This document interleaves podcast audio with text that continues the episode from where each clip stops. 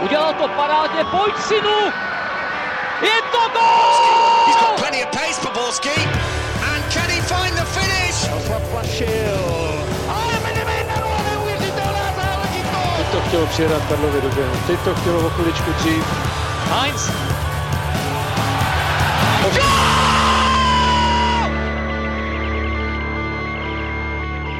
Dobrý den, vítejte u dalšího dílu Fotbal Focus podcastu. Sparta má velký problém. V Brně předvedla katastrofální výkon, v Lize zaostává za Plzní už o 7 bodů a atmosféra okolo letenského klubu je na bodu mrazu. Proč trenér Stramačony pořád nemůže najít klíč na spartianské trápení a jak se můžou letenští dostat z krize? Podíváme se taky na slavistický neúspěch v lize mistrů proti Apoelu a na to, proč se českým klubům pořád nedaří postoupit do základní skupiny nejprestižnější evropské soutěže. Zastavíme se ale taky u reprezentace, která má poslední šanci udržet si naděje na mistrovství světa. Jak může Jarolímův tým vybojovat potřebné body proti Německu a Severnímu Irsku? Od mikrofonu zdraví Ondřej Nováček a protože se nám Pavel Jahoda sluní na dovolené, vítám tady dnes hned dva hosty, a to Pavla Janegu z Deníku Sport, ahoj. Ahoj. Vojtu Ondráčka z Alarmu Ahoj. a tradičně je tu s námi taky Martin White. Čau, čau. Tak pojďme začít nejdřív u Sparty, která v Brně totálně propadla a prohrála 0-2. Vojto, co dělali letenští špatně, všechno.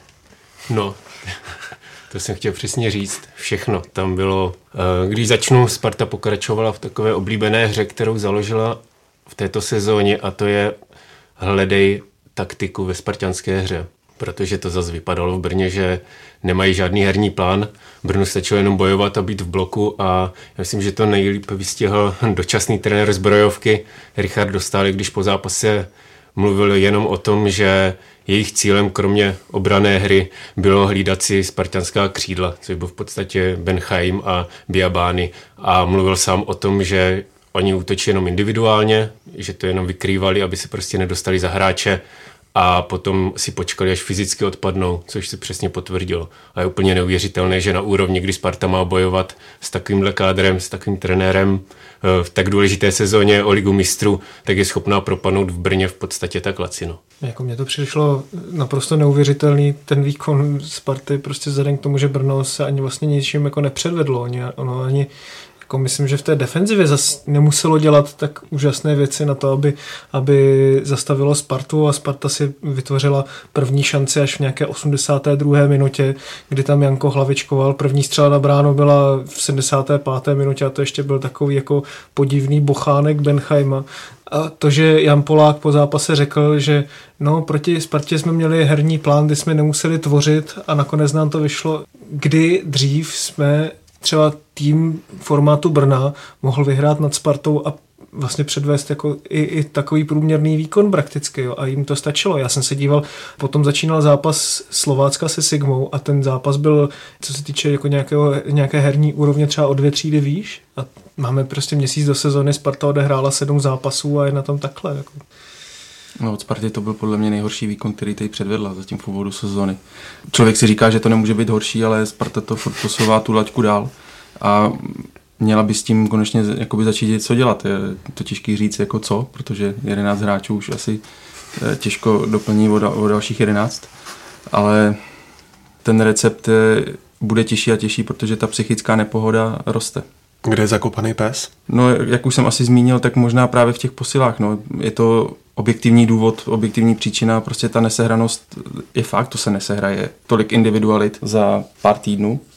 Může tam být nějaká nepohoda v kabině, fanoušci se začínají zlobit, takže ani to na psychice hráčům nepřidá. Teď do toho se neustále dějou změny v sestavě, ať už vůči zranění nebo taktické změny trenéra Stramačonyho těžko říct, co bude ten klíč, který to zlomí a tu Spartu zase nastartuje. Přijde, že Strháčony vlastně zatím nedokáže moc přenést své pokyny na hřiště, jako když si vezmeme tu epizodu Martina Frýdka, který přišel za eh, Andreou Stramačonem a potřeboval v podstatě na to překlad eh, Radoslava Kováče a ještě se potom vlastně zprávy vlastně lišili v tom, jestli to Friedek pochopil špatně, nebo co mu vlastně řekl Stramačony. A teď vidíme, že vlastně Kováč překládá e, celému českému vlastně kontingentu, ale i těm ostatním hráčům ty pokyny Andrej Stramačonyho, tak a podíváme se na č- výkony českých hráčů ve Spartě, které jsou víceméně jako do jednoho dost špatné. Když si z toho výjimu třeba hovorku, o kterém mimochodem vím, že ještě v snad 19. Sparty chodil do Geťáku eh, se, se učit německy, tak a ten vlastně jako jediný prakticky nepropadl v tom Brně nebo, nebo nepředvedl vyloženě nějaký strašný výkon a už proti Slovácku byl jedním z nejlepších hráčů, tak tady je možná i ten problém, že čeští hráči podle mě moc neumí jazyky jako no, v té Spartě. No já bych s tím souhlasil. Nikdo o tom nemluvil takhle, že by mohlo dojít k nedorozumění mezi Stramačem a Fritkem kvůli tomu, že překládal Radek Kováč. Protože on anglicky umí, ale mohlo k tomu samozřejmě dojít, nevíme, no. co se přesně stalo, ty verze se liší, já jsem mluvil se čtyřma lidma a každý říkal úplně něco jiného, jak to bylo, a ať už byli blízký letenskému vedení nebo hráči, ale jak říkáš, ty jazyky jsou problém, protože pokud chci hrát někdy v zahraničí, jakože Martin Friedrich požádal o přestupu do zahraničí, tak bych aspoň nějaké už základy, abych se domluvil, mohl umět. To je podle mě problém ale většiny hráčů, nejenom ve Spartě. Hmm. A možná může být problém, že mi přijde, že Stramačony není úplně v angličtině tak jako pořádně jako kovaný. Že on sice umí, ale pořád to působí. A on prý podstoupil zase, nějaký, nějaký intenzivní kurz. Zase mi přijde, že z těch rozhovorů jakoby s médií jako je, má to angličtinu velice jako slušnou, když to třeba srovnám s Antoniem Contem, jo, který v Chelsea vlastně také jako nevládl ani tak dobře jako Stramačony a ty svoje pokyny na to hřiště dokázal přenést. Si vezmeme, že v těch špičkových týmech, když už ten trenér neumí vlastně nějak pořádně mluvit, nebo ty hráči neumí mluvit jako vlastně tím stejným jazykem, tak je tam nějaký tlumočník, nebo Jose Mourinho třeba, jako, tak nevím, jestli Radoslav Kováč doroste do téhle z té role jakoby polovičního asistenta, potom špičkového trenéra, tak já nevím, já to jako samozřejmě zlehčuju teďka, jo, ale jako asi si to musí Sparta uvědomit a nějakým způsobem tady tuhle tu otázku řešit. No. Já bych souhlasil v tom, že Andrea Stramačony umí anglicky dobře, eh, jenom co, co, jsem, co mám takové zprávy, tak eh, on se snaží mluvit jednoduchou angličtinou mm-hmm. právě, aby tomu rozuměla česká veřejnost. Nesnaží je, se zacházet do nějakých složitějších frází, protože s tím už měl problémy v Řecku, proto nechce třeba dělat ani rozhovory v angličtině. Eh, na začátku, když vlastně přijel, ještě před podpisem smlouvy se mluvil, jsem, Jakub Konečný kolega domluval rozhovor s ním, Jakub umí italsky, chtěl to dělat v italštině. On mu na začátku řekl, že radši v angličtině, protože nemá s ním dobré zkušenosti, když s ním cizinec mluví italsky a pak ten překlad eh, byl prý někdy jiný, když byl v Panathinaikosu. Každopádně, když přišlo na letnou 11 hráčů, tak eh, proč Sparta neposílala právě tam, kde jí to bylo nejvíc po odchodu Božka dočkala, a to ve středu pole? Když se podíváme na ten obrovský přetlak, který má Sparta na krajích, tak se mi to zdá docela jako nepochopitelné. Jo. Ale vlastně, když se na to ještě dál podíváme, tak neodešel jenom Dočkal, odešel i Čermák a Rosický je na tom tak, jak na tom je, takže opravdu vlastně těch typických středových hráčů, kteří můžou hrát tu pozici té desky, samozřejmě záleží, že jo, taky na eh, rozestavení, jakým způsobem to chce Stramačony hrát, ale on tam vlastně v těch předzápasových soupiskách, tak tam byl třeba na tu pozici desítky psaný, já nevím, Friedek, Sáček. A to jsou hráči, kteří jsou dobří ve středu pole, ale Sáček je taky spíš jako osmička, takový běhavý hráč, něco podobně typově jak třeba Darida, který podle mě není někdo, kdo tam bude dávat 10 přihrávek za obranu, bude mít úžasný přehled na hřiště a bude neustále vyzývat někoho do šancí. Je to výborný hráč, mě se hodně líbí, ale není to ani jakoby přímo defenzivní záložník, ani jakoby přímo eh, kreativní záložník. A abych se k tomu dostal, když se na to vlastně člověk potom podívá, tak Sparta tam vlastně v tom kádru má relativně dost hráčů, kteří tu pozici desítky můžou hrát a to je právě jakoby Rosický, že? pak je tam taky Plavšič, který je teď zraněný a ten tam taky může hrát, zatím tam mám pocit moc nehrál, nebo spíš jakoby hrál z kraje, ale předpoklady na to má. No a pak si je tam ještě takový vlastně řekněme, lidé ze tmy, jak by řekl Vladimír 518, jako Herolind Šala, který vlastně ještě je pořád na soupisce Sparty, samozřejmě eh, asi nejspíš už jako je na odchodu, navíc je po dlouhodobém zranění. No a taky teoreticky v Dukle hrál na té pozici desítky Nestor, je to pořád jakoby asi myslím na tu pozici desítky lepší řešení než třeba David Lafata.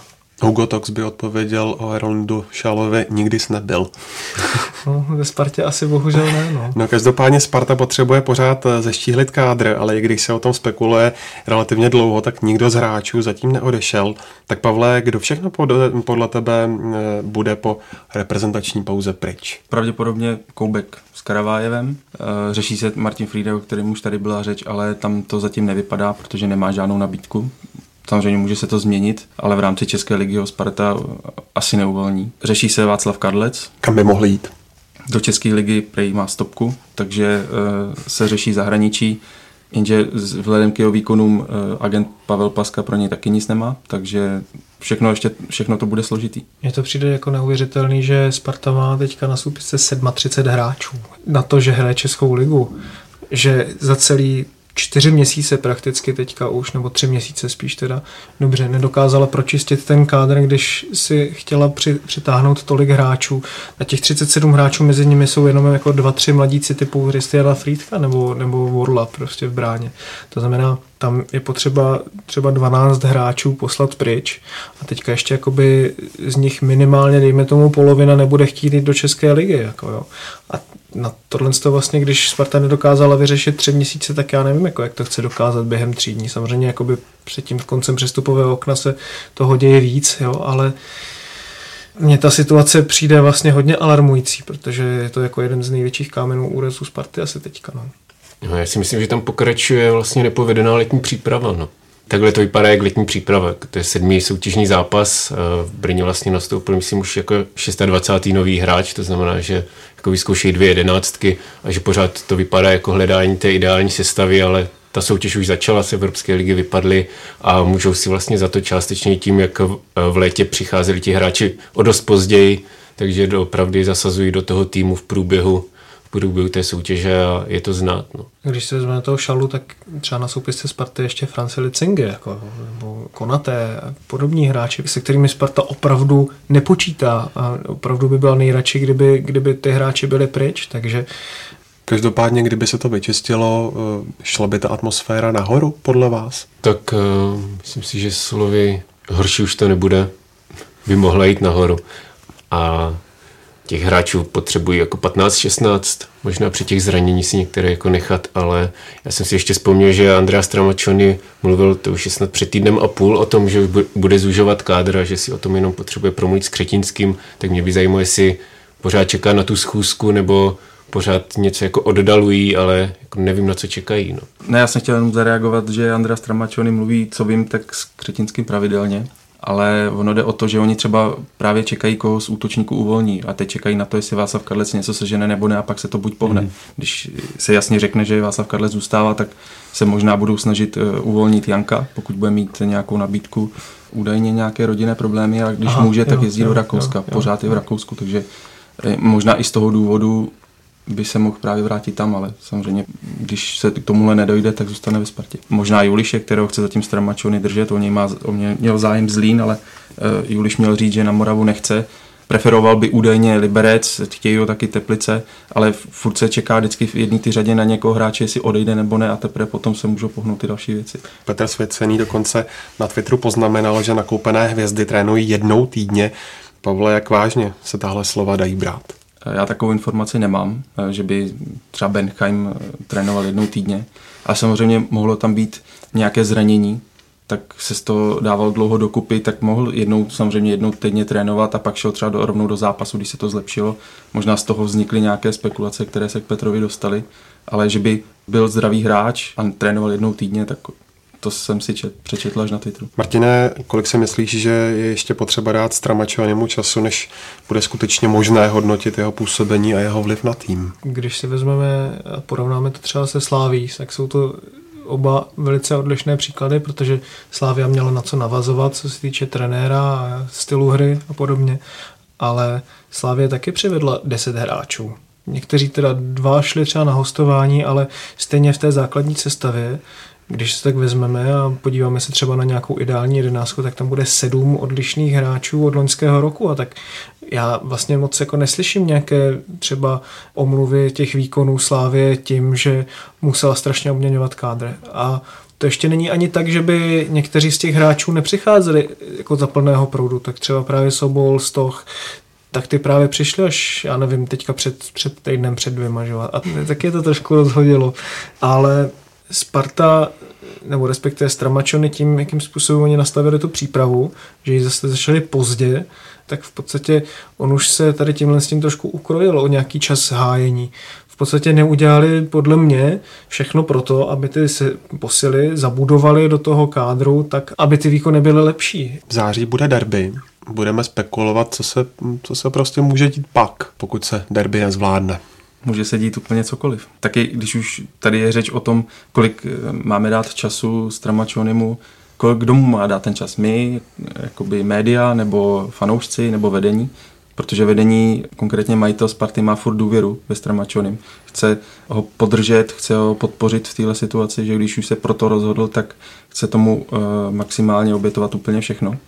Fanouškům trpělivost už dochází, některé pokřiky na stadionu už jsme slyšeli v médiích je Stramačony kritizovaný. Samozřejmě derby naposled zlomilo vás Zdeňku Šťastnému, takže uvidí se, co italský kouč.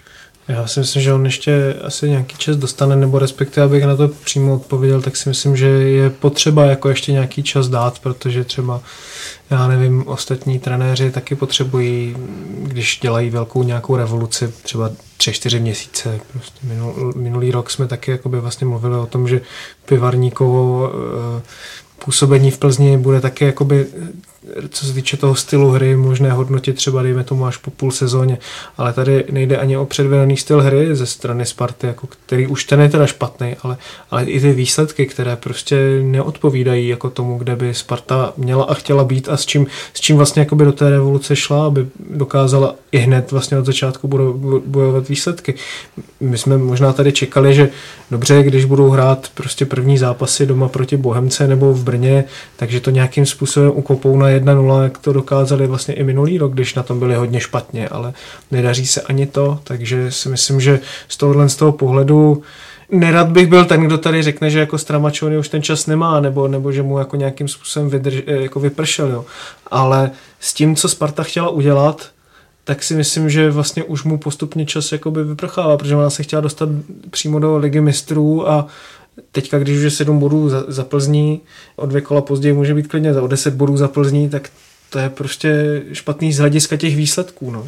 Já bych ještě k tomu řekl, že mě osobně se nelíbí ta kritika, že zahraniční kouč primárně je špatně v českém fotbale, že by se mělo řešit eh, ten konkrétní trenér, ty jeho kroky, jaké dělá, protože někdy fakt se to zobecňuje eh, v tom, že český zahraniční kouč do českého fotbalu nepatří a tohle právě teď může být ten případ Stramačonio, že pak si všichni řeknou, no vidíte, už jsem nikoho nikdy takového nepřivádějte, eh, což je podle mě špatně a spíš ty ostatní týmy nebo i sama Sparta se musí poučit z toho, že až příště zase půjde tou zahraniční cestou, tak aby už se vyvarovala těch špatných kroků, které udělala v létě. A teďka možná narážíš... Ty špa, možná ty čeští hráči jsou špatně pro ty zahraniční kouče, což ostatně vidíme už vlastně v zahraničí, kde oni se nedostávají dost dobře jakoby do, těch, do těch sestav.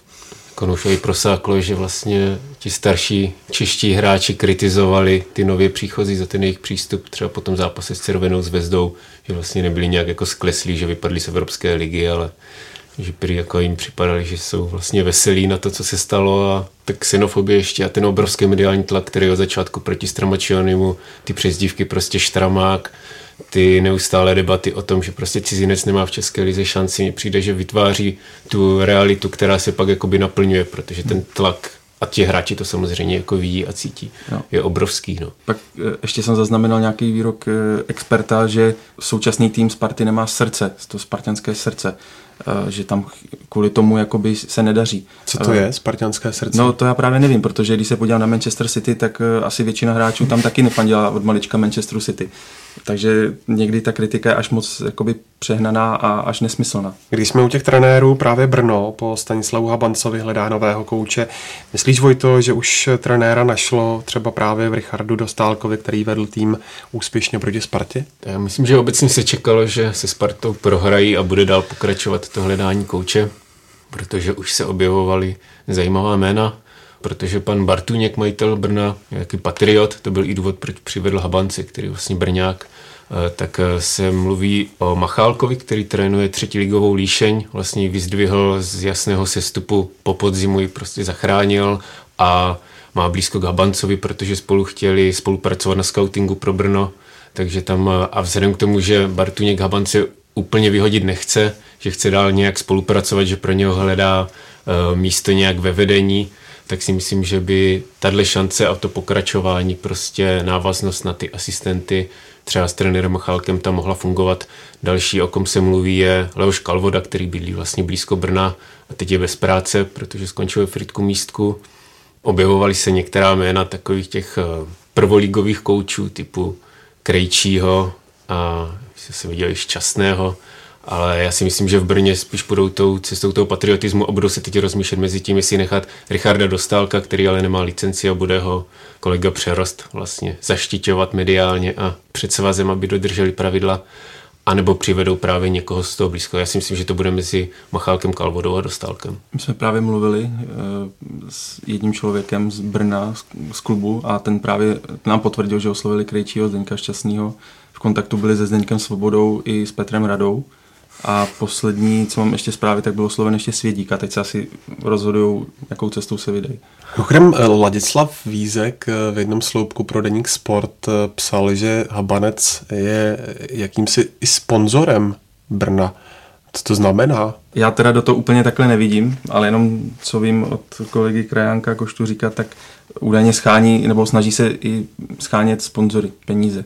Nevím, nevím, jak to přesně funguje, opravdu nemám o tom žádné přímé zprávy, ale i z toho důvodu se ho Brno nechce zbavovat. Taky fotbalový hadamček číslo dvě. Ještě než půjdeme do další části, jenom v rychlosti otázka na každého z vás. Která událost vás o víkendu v České lize nejvíc zaujala, kluci? Tak pro mě to byl debakl Boleslavy, která pokračuje v tom, že má po pěti zápasech myslím, jeden bod a skore 2-11. A ta situace v Boleslavi samozřejmě dál bude pokračovat, protože tam nastoupil Dušan Uhrin mladší, vlastně po těch nepovedených výkonech vyhodili je Svědíka z pozice hlavního kouče, teď nevím, koho budou vyhazovat, když se teda už koučuje jako Uhrin na plné obrátky, ale ta hra a ten výkon na Slávy to nemělo nic společného s tím, že chtějí hrát o evropské poháry, jak vyhlašují před sezónou. Za mě to byla asi ta situace s fanoušky baníku. Za mě přijde jako naprosto neuvěřitelný vlastně, že vy řeknete fanouškům baníku tři hodiny před zápasem, kdy oni musí teda jako cestovat pět hodin do Plzně nebo kolik, že vlastně teda nakonec na ten stadion můžou, tak eh, vzhledem k tomu, že fanoušci baníku už před vlastně zápasem asi dva, tři dny prohlašovali, že do Plzně přes všechny vlastně překážky, že tam pojedou, tak mně to přijde jako kdyby a teďka vlastně nemůžeme říct Fatcher nebo LFA, protože jsou to jakoby dvě rozdílné organizace. LFA to zakázala, Fatcher to naprosto bezdůvodně vlastně eh, vyvrátila tady tohle rozhodnutí. Teďka nevíme vlastně ani proč, protože samozřejmě to nechtěla, nechtěla říct taky to zároveň prostě vytváří jako a naprosto pochopitelnou averzi ze strany fanoušků baníku, protože to jejich chování na Slovácku, co jsem tak jako slyšel, viděl, vlastně nebylo zdaleka tak strašné. A už vlastně celou dobu loni v druhé lize i teďka vlastně, co se vrátili do první ligy, tak se chovali víceméně příkladně. A takhle jakoby přemrštěný trest pro ně mi přijde vlastně zbytečný a zbytečně jakoby eskaluje ten konflikt nějaký, který tam jako pořád asi existuje a myslím si, že kdyby Fatcher byl takhle přísný i na sebe, nejenom jakoby na fanoušky, tak si myslím, že by to možná i vypadalo v českém fotbale trošku jinak. No. Já možná myslím, že v tom se hrála roli asi největší policie. Když, když to srovnám, když se měli fanoušci Červený zvezdy, že a mnoho, mnoho z nich nemělo lístek, tak policie údajně Spartě řekla, že my je radši budeme mít na tom stadionu pod kontrolou, než aby nám lítali po městě a kolem stadionu. Takže možná i z toho důvodu, když se policie dozvěděla, že ty fanoušci baníku stejně tam jedou, tak se rozhodli pro tenhle krok, aby je fakt měli pod kontrolou na tom stadionu na, a ne rozlítaný po městě. Zároveň to jakoby vytváří tady tohle prostě velkou moc v těch rukách fanoušků, protože když se tam prostě rozhodnou jet, tak co, tak je tam vlastně teda nakonec jakoby musíte pustit. Jaký smysl potom má teda tady tohle rozhodnutí, že nebudete pouštět jako ty fanoušky na stadion. Jo? to přijde jako zbytečný tady tohle.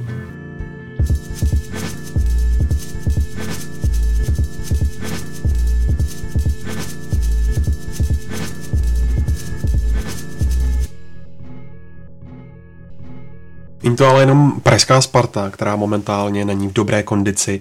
Dobrý týden za sebou nemá ani Slávě, která ve středu vypadla z ligy mistrů.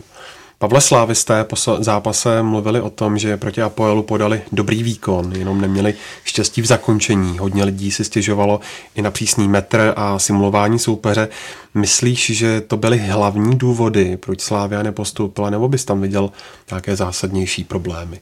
No zásadnější problémy bych rozhodně viděl, než bylo simulování. Samozřejmě mě to štve, simulování prostě nemá ve fotbale co dělat. Na druhou stranu Slávě ne, neuměla navázat na, na ten první poločas, který byl podle mě vynikající ve druhém, protože ve druhém totálně odešla. Začala uh, hodně ty balony nakopávat. Uh, zase, když, už dojde, když jí dojde trpělivost, tak často nakopává ty balony. Teď tam nebyl Milan Škoda, takže spoustu těch balonů ji ztratila. Připravila se o, o spoustu balonů, což pramenilo pak, že ani se nevytvářela tolik šancí, kolik by chtěla. No a pak rozhodl hlavně ten první zápas a ten totálně skažený úvod Nikozy. Já si myslím, že vzhledem k tomu, že jí to Apoel tím svým výkonem v těch 170 ze 180 minut v podstatě nabídl na stříbrném podnose ten, ten postup, že Slávě měla opravdu velký, velkou šanci už to zvrátit vlastně v tom prvním zápase ještě v té odvetě a tady tohohle z toho nevyužila, tak je hodně alarmující, protože ten Apoel vůbec nehrál dobře ten tým nebyl dobrý, nepředvedl dobrý výkon, ale Slávě si s tím nedovedla poradit. Tam nebyla žádná kreativita prostě ve středu pole. Slávě se toho skoro až jakoby bála tam cokoliv jakoby vymyslet. A když už to teda táhla po těch krajích, pokud to teda nenakopávala, tak ty hráči tam neměli žádnou výpomoc. Prostě snažili se to pořád přejít jako individuálně. Ale nemyslím si, že na tu evropskou úroveň prostě můžete něco odehrát na jedné straně se stoperem a na levé straně s pravým obráncem. To je tohle všechno jakoby tak nějak dalo dohromady ten obrázek, který prostě Slavě předvedla proč to nefungovalo. No. Další problém Pavel vystihl byl, že v tom prvním poločase pořád ty centry byly nebezpečnější, tak oni kromě takových těch, eh, toho hurá stylu v těch prvních minutách si ty centry připravovali, že to vždycky jako to centroval hráč, kterého jako uvolnili před tím centrem, takže měl klid na ten centr. V tom druhém poločase už to mně přišlo, že jako chtějí pokračovat v těch centrech, ale viděl jsem tam situaci, kdy Hůžbajer už to tak jako nakopával, ten centr byl prostě nepřesný, letěl pryč, 7 metrů od něho stál Danik, který na něho mával rukama, že byl volný a chtěl balon po zemi.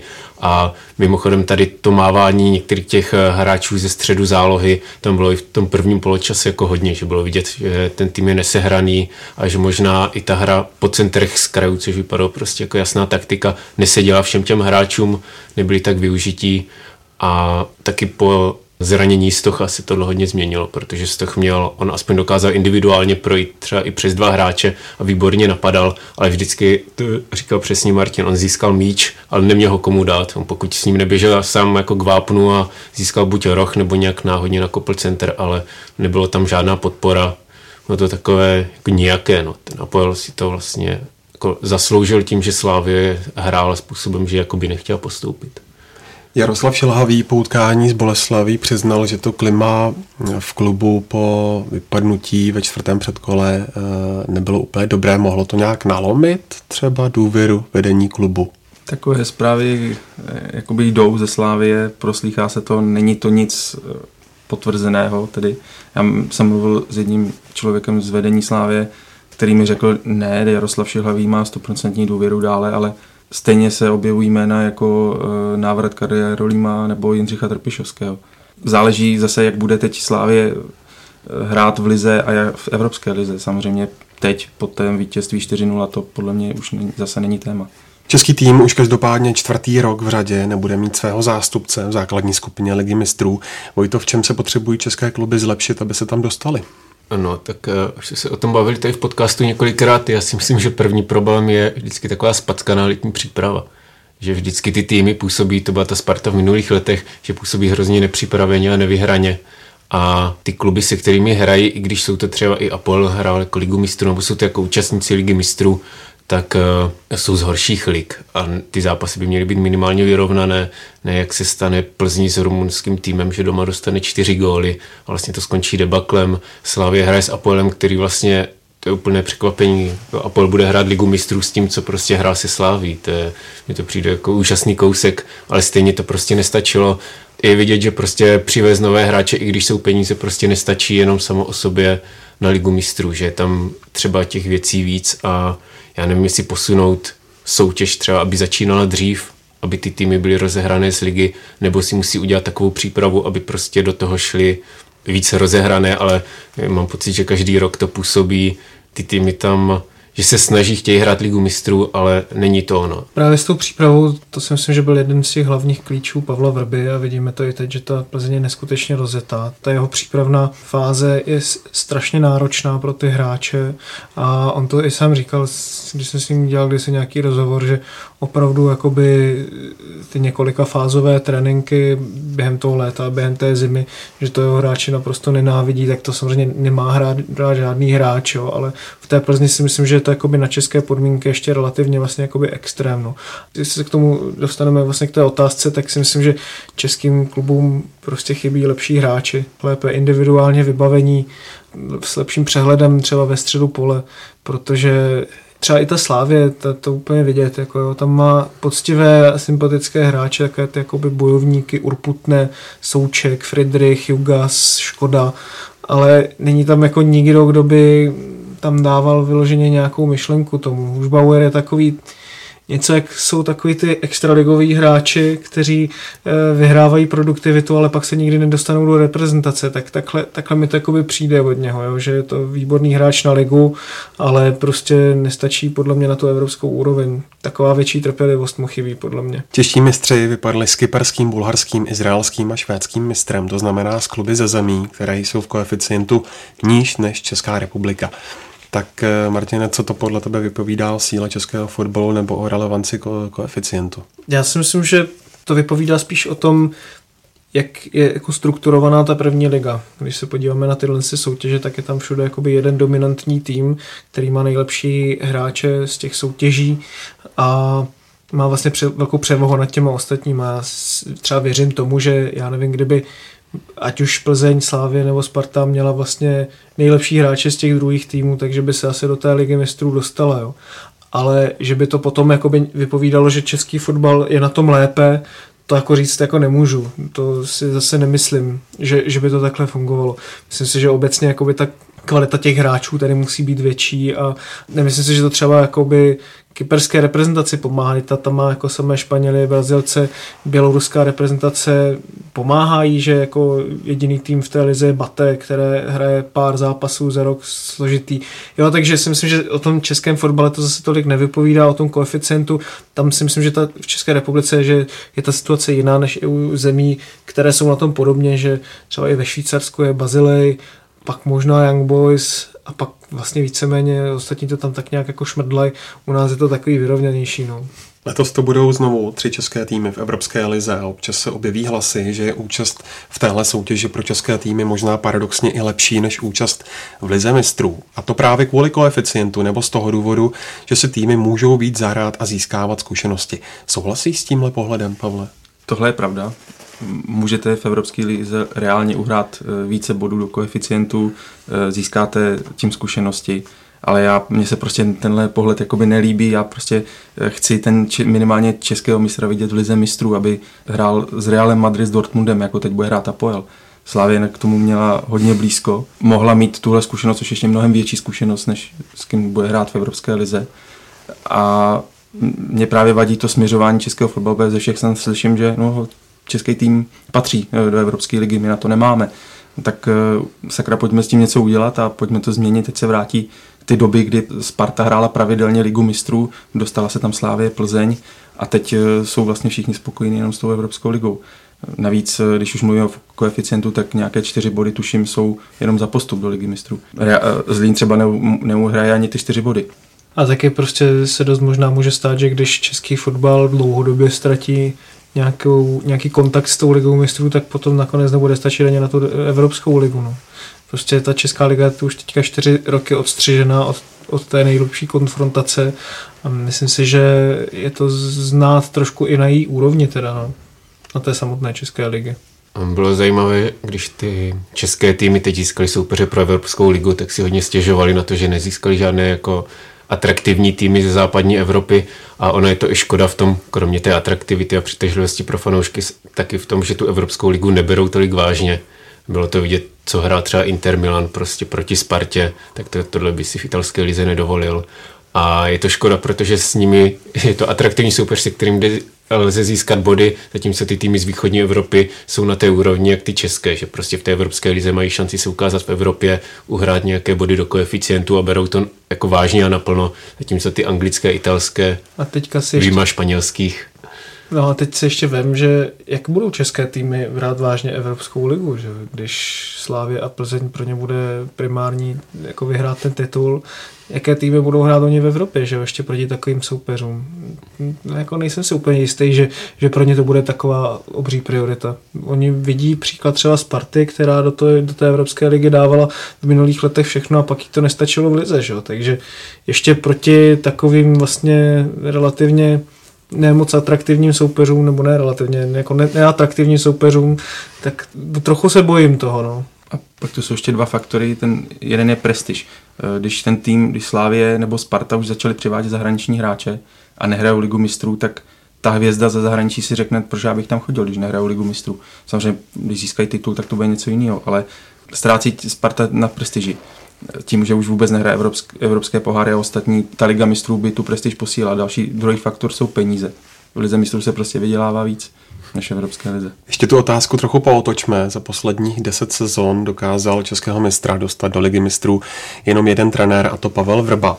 Mluvili jsme o hráčích, ale myslíš si, Vojto, že český fotbal má problém i v tom, že nedokáže vychovávat dostatečně dobré trenéry? Martin už to nakousl tím, že Pavel Vrba je za ty poslední roky jediný trenér, který dostal do ligy mistrů i tou tvrdou přípravou. To je známý jaký Karel Jarolím, který vlastně tam dostal takhle slávy. A je vidět, když třeba jsme se bavili o té slávy, kdo by mohl přijít místo Šilhavého, že těch eh, trenérů prostě kvalitních typu, kteří můžou přijít do těch špičkových týmů, je úplné minimum, že se vlastně bavíme o Trpišovském, teď jde o to, jestli by ho teda pan Karol uvolnil nebo ne. A mimo to Sparta už si vyloženě vydala tou cestou, že místo toho, jak strávila, nevím, kolik týdnů to bylo přesvědčování Trpišovského a vyjednávání mojeho příchodu, že si vyloženě rozhodla jít cestou nějakého zahraničního kouče, spíš ukazuje přesně na to, že ti trenéři tady nejsou. Že sice se v té první lize skoro každý trenér koučuje tak 10 týmů za svoji kariéru prvoligových, ale těch úplně špičkových je tady minimum.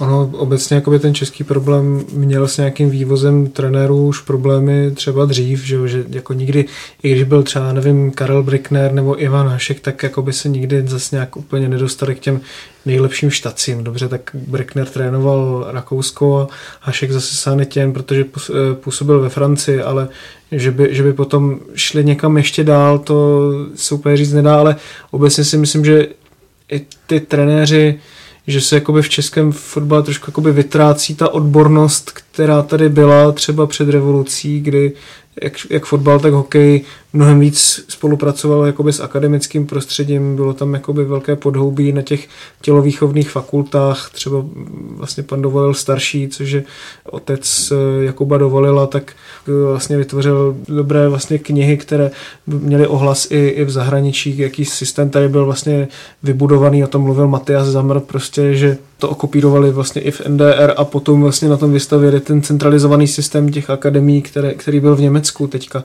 v těch posledních 15 letech. Takže myslím si, že český fotbal jakoby nenaslouchá dostatečně vlastně těm jako erudovaným lidem, no, tady v tomhle tom směru. To se podtrhuje tím, jak se mají zmínil u Dostálka, že je spousta trenérů vlastně bez licence.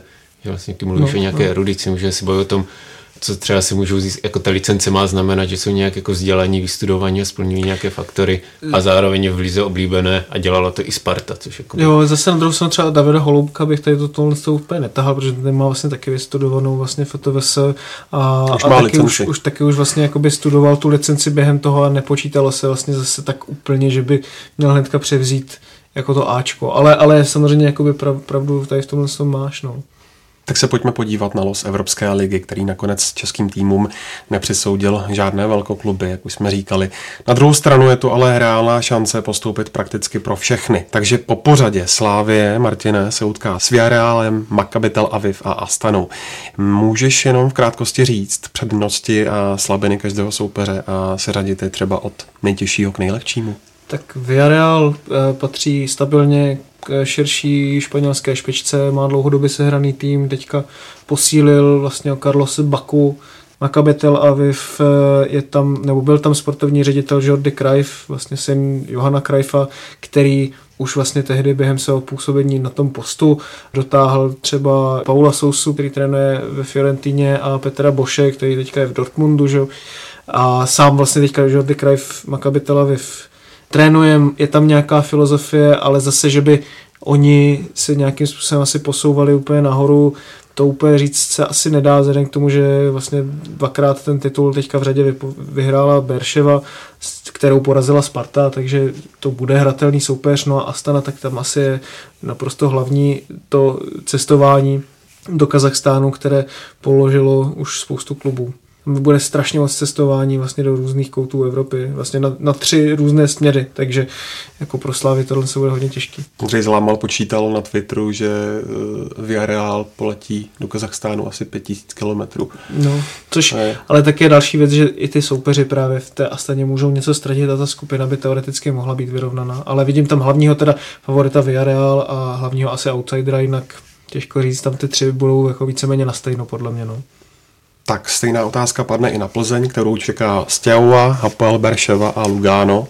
Tak eh, Pavle, znovu přednosti, slabiny, nejtěžší k nejlehčímu. Tak Stěhovu jsme teď všichni viděli vlastně před rokem přes, se Spartou, eh, i před kole znovu z Plzní. Strašně těžký soupeř podle mě. Určitě postoupí Stěhova a teď bude záležet, jestli Plzeň si vybojuje s Berševou a s Lugánem postup.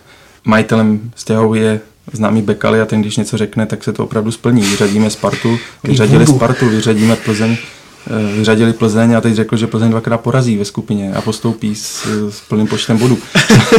Takže, eh, ale objektivně Steva má vynikající silný tým. Nepamatuju si, že by takhle v posledních letech ten rumunský tým byl až tak dobrý. Samozřejmě teď dostala debakl od Sportingu, ale ta Evropská liga je, je přeci jenom něco jiného. Berševa, kde se daří Tomáši Pekhartovi. Eh, je nepří, nepříjemný soupeř, což jsme viděli i u Sparty, která musela pod Davidem Olubkem hrát opravdu z bloku a pak eh, podnikat ty protiútoky a díky tomu jí to vyšlo. Bude záležet, když eh, na ní nastoupíte s tím plzeňským fotbalem, jestli to bude tak účinné, protože budete asi přeci jenom spíš, no počítám s tím, že Plzeň spíš bude hrát do plné obrany. Lugano, kde uh, nemám úplně nakoukaný, to se přiznám, uh, působil tam Zdeněk Zeman, ale je to pocitově pro mě tým, který by neměl Plzeň vyřadit. No a dostáváme se ke Zlínu. Na Andrův stadion nakonec nepřijede Arsenal ani AC Milan, jak si mnozí přáli. Ševce čekají souboje s Kodaní, Lokomotivem Moskva a Šerifem Tiraspol. Tak pojď Vojto. No tak eh, Kodaň, kde teď hraje Michal Lichtner, ta se málem dostala do ligy mistrů, ale hodně překvapivě a myslím, že pro sáskaře hodně drtivě eh, vypadla s Karabachem, což eh, myslím, že málo kdo čekal, i když Karabach má taky tým postavený na cizincích a není to úplně jednoduchý soupeř a měl nebezpečné ty protiútoky a jeden mu v Kodani vyšel a tím vlastně Kodaň vyřadil, ale Kodaň není úplně tak silná, jak by se mohlo zdát, protože v tom předchozím předkole vyřadila Žilinu, která byla hodně oslabená odchody jako výborných hráčů a i když doma prohráli 1-3, tak dokázali v Kodani zvítězit 2-1, sahali po vyrovnání, prodloužení. I ten domácí zápas se jim nepovedl eh, neproměňovat šance, byla tam kontroverzní karta, takže Kodaň není úplně tak silná, jak byla třeba v těch minulých letech. Na druhou stranu málem, málem hrál ligu mistrů. Ten Karabach jako mohli porazit a vypadli vlastně jenom na součet eh, venkovních a domácích gólů. Lokomotiv Moskva, to je favorit skupiny číslo jedna pokud budou chtít hrát naplno. Je to ruský tým a víme, jak se daří českým týmům proti ruským. Možná a už budou mít i Karavaeva. Bude tam Karavajev, což povídá o té síle toho týmu, že je schopen přivádět tyto hráče ale Lokomotiv na druhou stranu bojuje v ruské lize s Petrohradem o titul. Myslím, že jsou teď druzí o jeden bod. To bylo i v loňské sezóně. Takže Lokomotiv je sice obrovský silný tým, ale já si myslím, že ta ruská liga pro něho bude mít přednost. Pro Zlín je výhoda, že bude hrát eh, s Moskvou poslední zápas skupiny, kde může být třeba pro Moskvu rozhodnut. No a ten třetí tým Sheriff Tiraspol, tak eh, to bude hezká cesta do Podněsteří pro českého fanouška asi, nebo myslím, že Karel Jarolím se občas budí ještě hrůzou, když si vzpomene na tenhle tým, který v roce 2009 hodně překvapivě vyřadil Slávy jako českého mistra v předkole ligy mistrů, ale měl by to být ten nejslabší tým skupiny. Já si myslím, že se Zlínem budou tak na stejné úrovni a bude rozhodovat vlastně hned, co se týče postupu, bojo postup, tak ten los má Zlín má perfektní los. První zápas hraje doma, nebo v uvozovkách, protože hraje v Olomouci právě s Tiraspolem. Když ten zápas vyhrají, tak můžou mluvit o tom, že budou bojovat o postup na vyšší koeficient, český a poslední zápas mají s Moskvou. Do té doby prostě co uhrají s Kodaní, uhrají s Kodaní. Ale je to jako popravdě řečeno ohromně těžká skupina. Vzhledem k tomu, jak Zlín se zatím prezentuje v Lize, tak eh, to na ten postup bych vůbec neviděl. Suma sumárum, když se na ty tři skupiny podíváte, tak kdo si myslíte, že bude mít nejtěžší nebo nejlehčí práci z českých týmů a kdo tedy postoupí? Nevím, jestli nejlehčí práci bude mít Slávě z Plzní, ale postoupit by měli. Podle mě by to bylo zklamání, eh, kdyby nepostoupili. Ten los tomu nahrává, aby hráli Evropskou ligu i na jaře. Pro mě by bylo taky zklamání, kdyby Slávě a Plzeň nepostoupila. Myslím si, že postoupí jenom Plzeň, protože pro Slávě bude hrozně těžké cestovat tak hrozně moc vlastně se starými oporami relativně.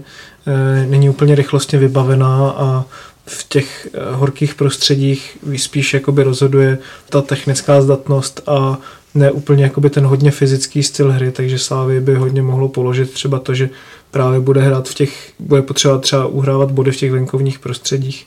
Zlín má podle mě možná i nejlepší skupinu, ale ta nevyrovnanost těch výkonů a je to prostě pro ně první, první účast v ruské lize, takže si myslím, že tam bohužel asi úplně, úplně nevidím šanci velkou na postup. No a tak eh, já bych si přidal, že podle mě Plzeň Slávě by měli postoupit a dej jim jejich klubový koeficient No Uzlín, jak jsme říkali, to je nováček a to bude Může se stát, že by se mu povedla, jak to předvedl Liberec. Můžou hrát v Lize o záchranu a můžou v Evropské lize bojovat o postup do posledního kola.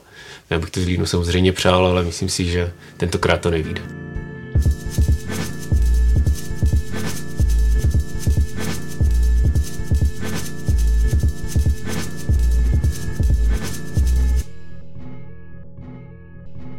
A teď pojďme k národnímu týmu, který čekají klíčová dvě utkání v boji o světový šampionát. Češi v pátek v Edenu vyzvou mistry světa z Německa.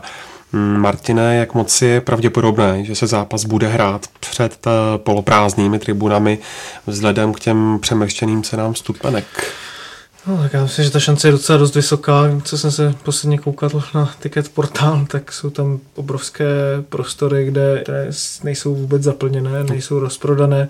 Je samozřejmě možné, že to Fatcher věnuje nějakým svým partnerům, takže tam by ta atmosféra teda nakonec měla být relativně fajn, ale si myslím, že je z toho jakoby trochu fraška, teda vzhledem k tomu, že to měl být největší svátek fotbalu v Čechách takový tým tady naposledy přijel, když tady byla Barcelona, třeba dejme tomu prostě. A Kolik stojí vstupenka? Eh, vstupenka stojí 2890, téměř jako do všech sektorů, to znamená do těch rohových. A to si myslím, že je taková cena, za kterou český fanoušek může jet autobusem do Mnichova na zpátek, koupit si v Allianz aréně lístek, i pivo a klobásu a pak spokojeně zpátka za tady tuhle tu cenu dostane celý vlastně tady ten, ten výlet, jo.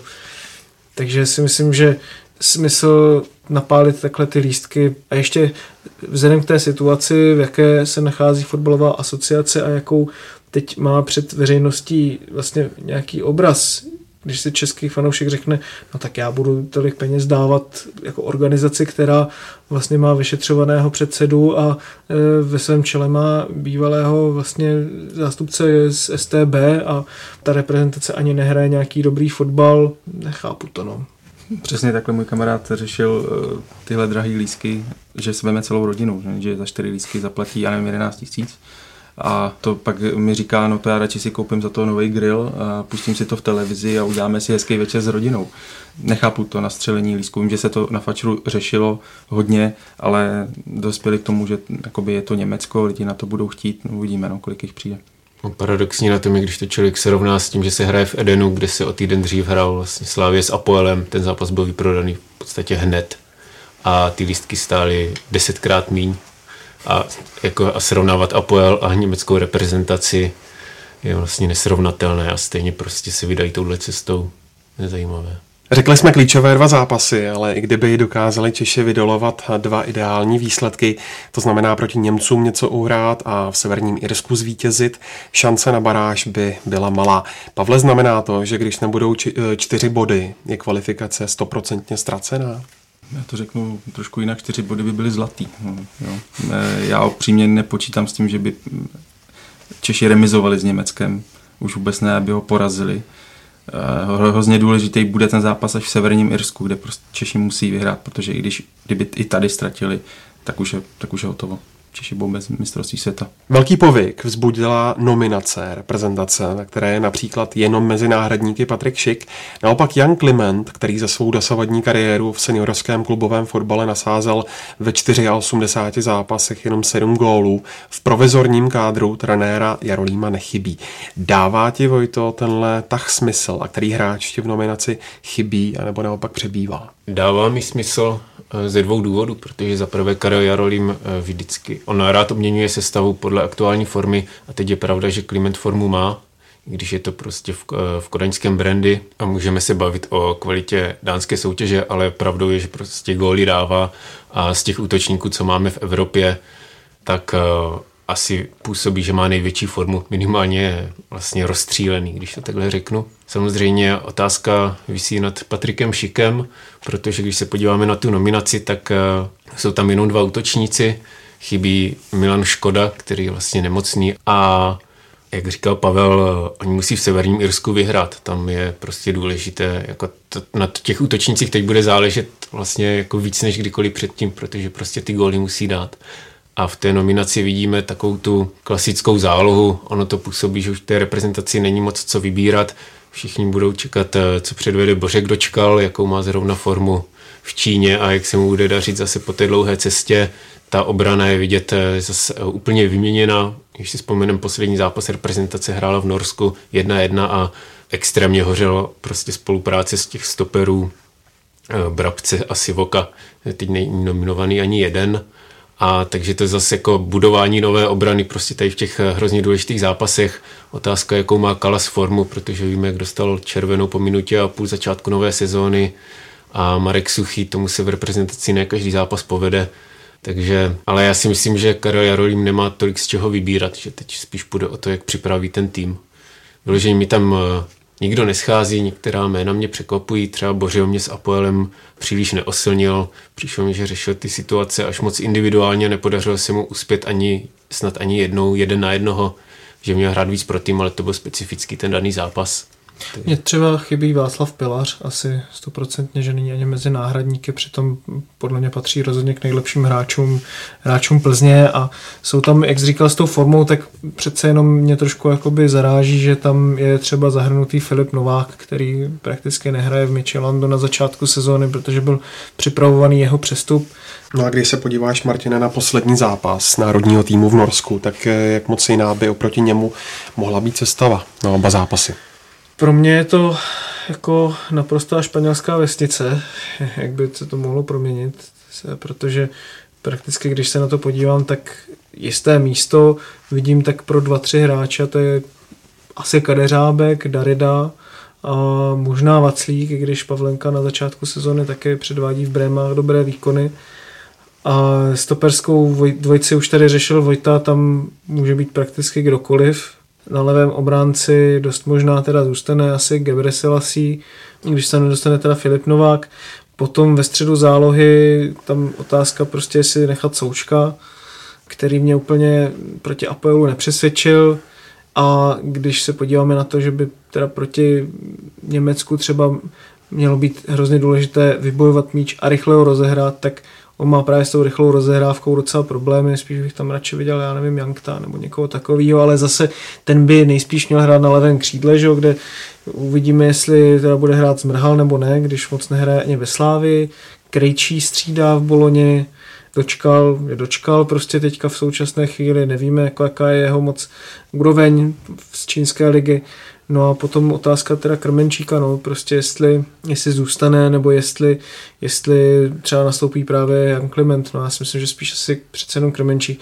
Myslím si, že Jarolím vzhledem k tomu, že ten tým se docela obměňuje pořád a není jakoby zase tak úplně sehraný, tak asi nebude chtít dělat jakoby vlastně tolik změn, ale to zase na to jsem prostě jako nemyslím, že by ty hráči, kteří tam jako hráli proti tomu Norsku, měli mít nějakou teda jistotu, že, že budou hrát i teď. Vybojovat míč a rychle ho rozehrát, to je nejschůdnější cesta na Němce, Pavle? Primárně ano. Musíte tu hru zrychlit, mít, být v organizovaném bloku a z něho vycházet co nejrychlejší cestou do protiútoku. Takhle na papíře, nebo když se o tom povídáme, to zní strašně jednoduše, ale jako proti Německu to asi úplně jednoduchý nebude. Takže budete potřebovat i kupu štěstí. A já, já už jsem říkal, že nepočítám s tím, že by Češi uhráli byt jen bod, tak uh, budou to mít strašně těžký, ale musí se o to pokusit být aktivní, rychle napadat, pokusit se nenechat uh, hrát Němce tu jejich hru, protože jakmile se dostanou do pohody a začnou uh, hrát tu svoji hru, tak uh, už to bude rozjetý vlak, který nezastavíte. Ten zápas se rozhodne v záloze stoprocentně. Myslím si, že Češi si nemůžou úplně dovolit jakoby vysoký pressing, jaký předvedli kde hráli v Německu, protože pak otevírali obrovská okénka. Myslím si, že spíš jakoby bude mít smysl hrát ten blok a víc presovat prostě v záloze, nedostávat tu hru Němců až, až vlastně k vápnu, kde víme, že ta stopeři české reprezentace nejsou úplně jakoby nejsilnější, ale dostat se přes ten německý repressing, to, to chci vidět, no. Myslím si ale, že to je vlastně ideální před tím severním Irskem, kde do toho severního Irska musí český tým vyhrát, tak s tím Němci, vlastně tím, jak ti Němci jsou dobří a budou dobří v tom zápase, to může vlastně jenom pomoci. Když to skončí debaklem, tak si vždycky můžu říct, to nebyl nejdůležitější zápas a jakýkoliv dobrý výkon nebo i výsledek je může jenom nakopnout a je to jako dobré na rozehrání. Mimochodem Severní Irsko v posledních třech soutěžních zápasech doma nedostalo gól a obecně tým Michaela O'Neilla skvěle připraven v defenzivě.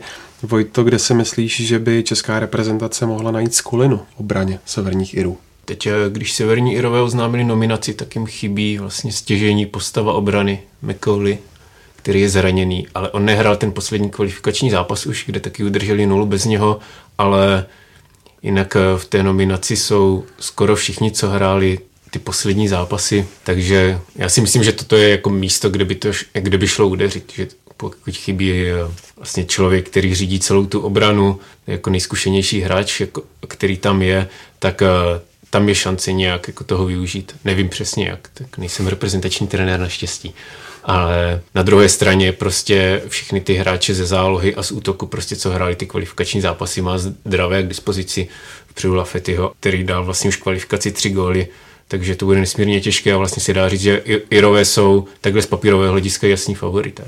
Oni nemusí, jak Karel Jarovým se teď o tom bavíme, jak mění prostě celou stoperskou dvojici eh, v té nominaci přemýšlí, koho tam dát, koho ne, tak Irové vlastně jenom budou řešit, eh, koho nahradí na stoperovi prostě McCauleyho a to je všechno. No. Na kolik procent vidíte šance Čechů, že by ty oba potřebné výsledky mohly uhrát?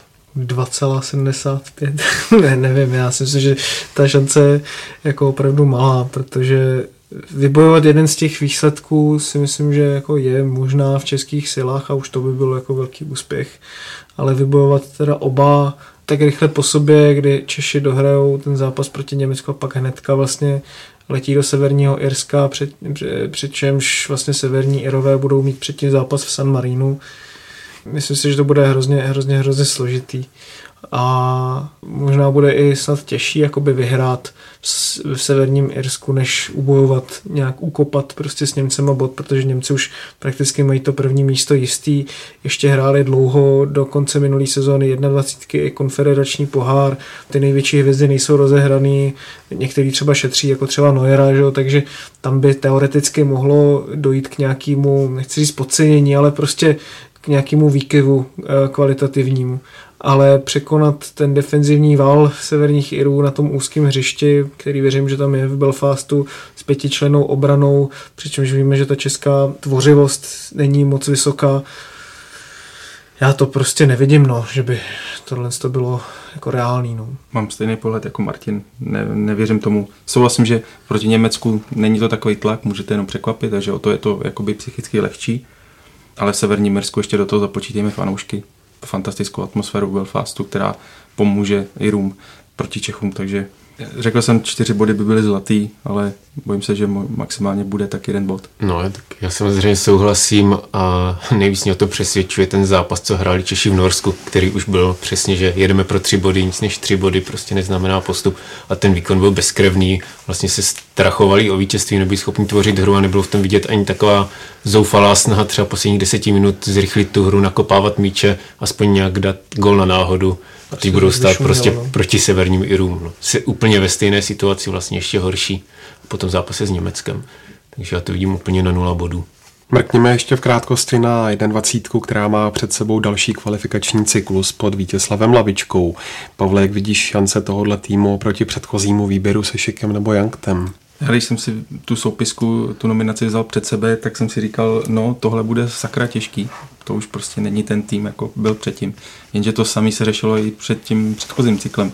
Taky odešli že jo, Krejčík a Deřábek a začalo se řešit, no tak tahle 21 už je fakt opravdu slabá. Nakonec z ní znovu vyrostli další hráči pro Ačko, takže já bych práci Víti Lavičky vůbec eh, nezatracoval a uvidíme, kam dojde. Mně se, mně se tady tohle vždycky líbí u těch 21, tak když se jakoby nejdřív podíval na to soupisku a teďka vlastně třeba půlku té sestavy prakticky neznám, když to jakoby řeknu naplno.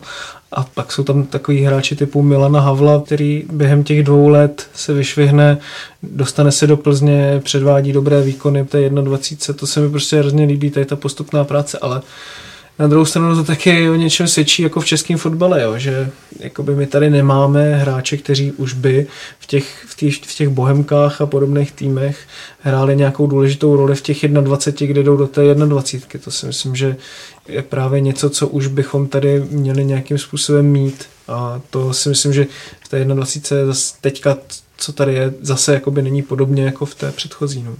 Vypíchli byste tam eh, nějaká jména z té nominace na kvalifikační utkání proti Bělorusku? Teď jsou tam vlastně talentovaní brankáři hodně v té 21. Jedlička se Staňkem. Pak je tam pořád vlastně sáček už toho minulého kvalifikačního cyklu, Matějů a Černý, kteří teda rozhodně asi budou jakoby největšími hvězdami toho výběru. Eh, stejně jako Pulkrab, který se myslím přesunul rovnou z devatenáctky z té 19 se ještě potom když tak teoreticky může někdo vytáhnout, že prostě v těch posledních měsících, ale jinak vlastně hraje ligu relativně pravidelně, třeba, nevím, eh, Trubač, Bezpalec, Takáč v Mladé Boleslavi, ale že by ty ostatní zatím hráli pravidelně, nebo tak, to, to, to zatím ne. No. A nevidím tam úplně, jako kromě tady těch men, jako někoho, kdo by v té nominaci byl, že by mě jako trkl do očí, nebo že bych o něm jako slyšel nějaké neuvěřitelně dobré reference. No. Tak to je z dnešního dílu Football Focus podcastu vše. Díky moc, že jste nás doposlouchali až sem a díky vám, kluci, že jste si udělali čas. Těšíme se na vás s příštím dílem za týden v úterý a i tehdy nás jako vždy najdete na stránkách ČT Sport.cz a taky na Soundcloudu, v iTunes a na YouTubeovém kanále ČT Sport a taky ve všech podcastových aplikacích, kde se můžete přihlásit k odběru a rádi vám odpovíme na jakékoliv náměty, připomínky a dotazy, ale také komentáře na sociálních sítích pod hashtagem Fotbal Focus. Mějte se hezky a do příštího týdne naslyšenou.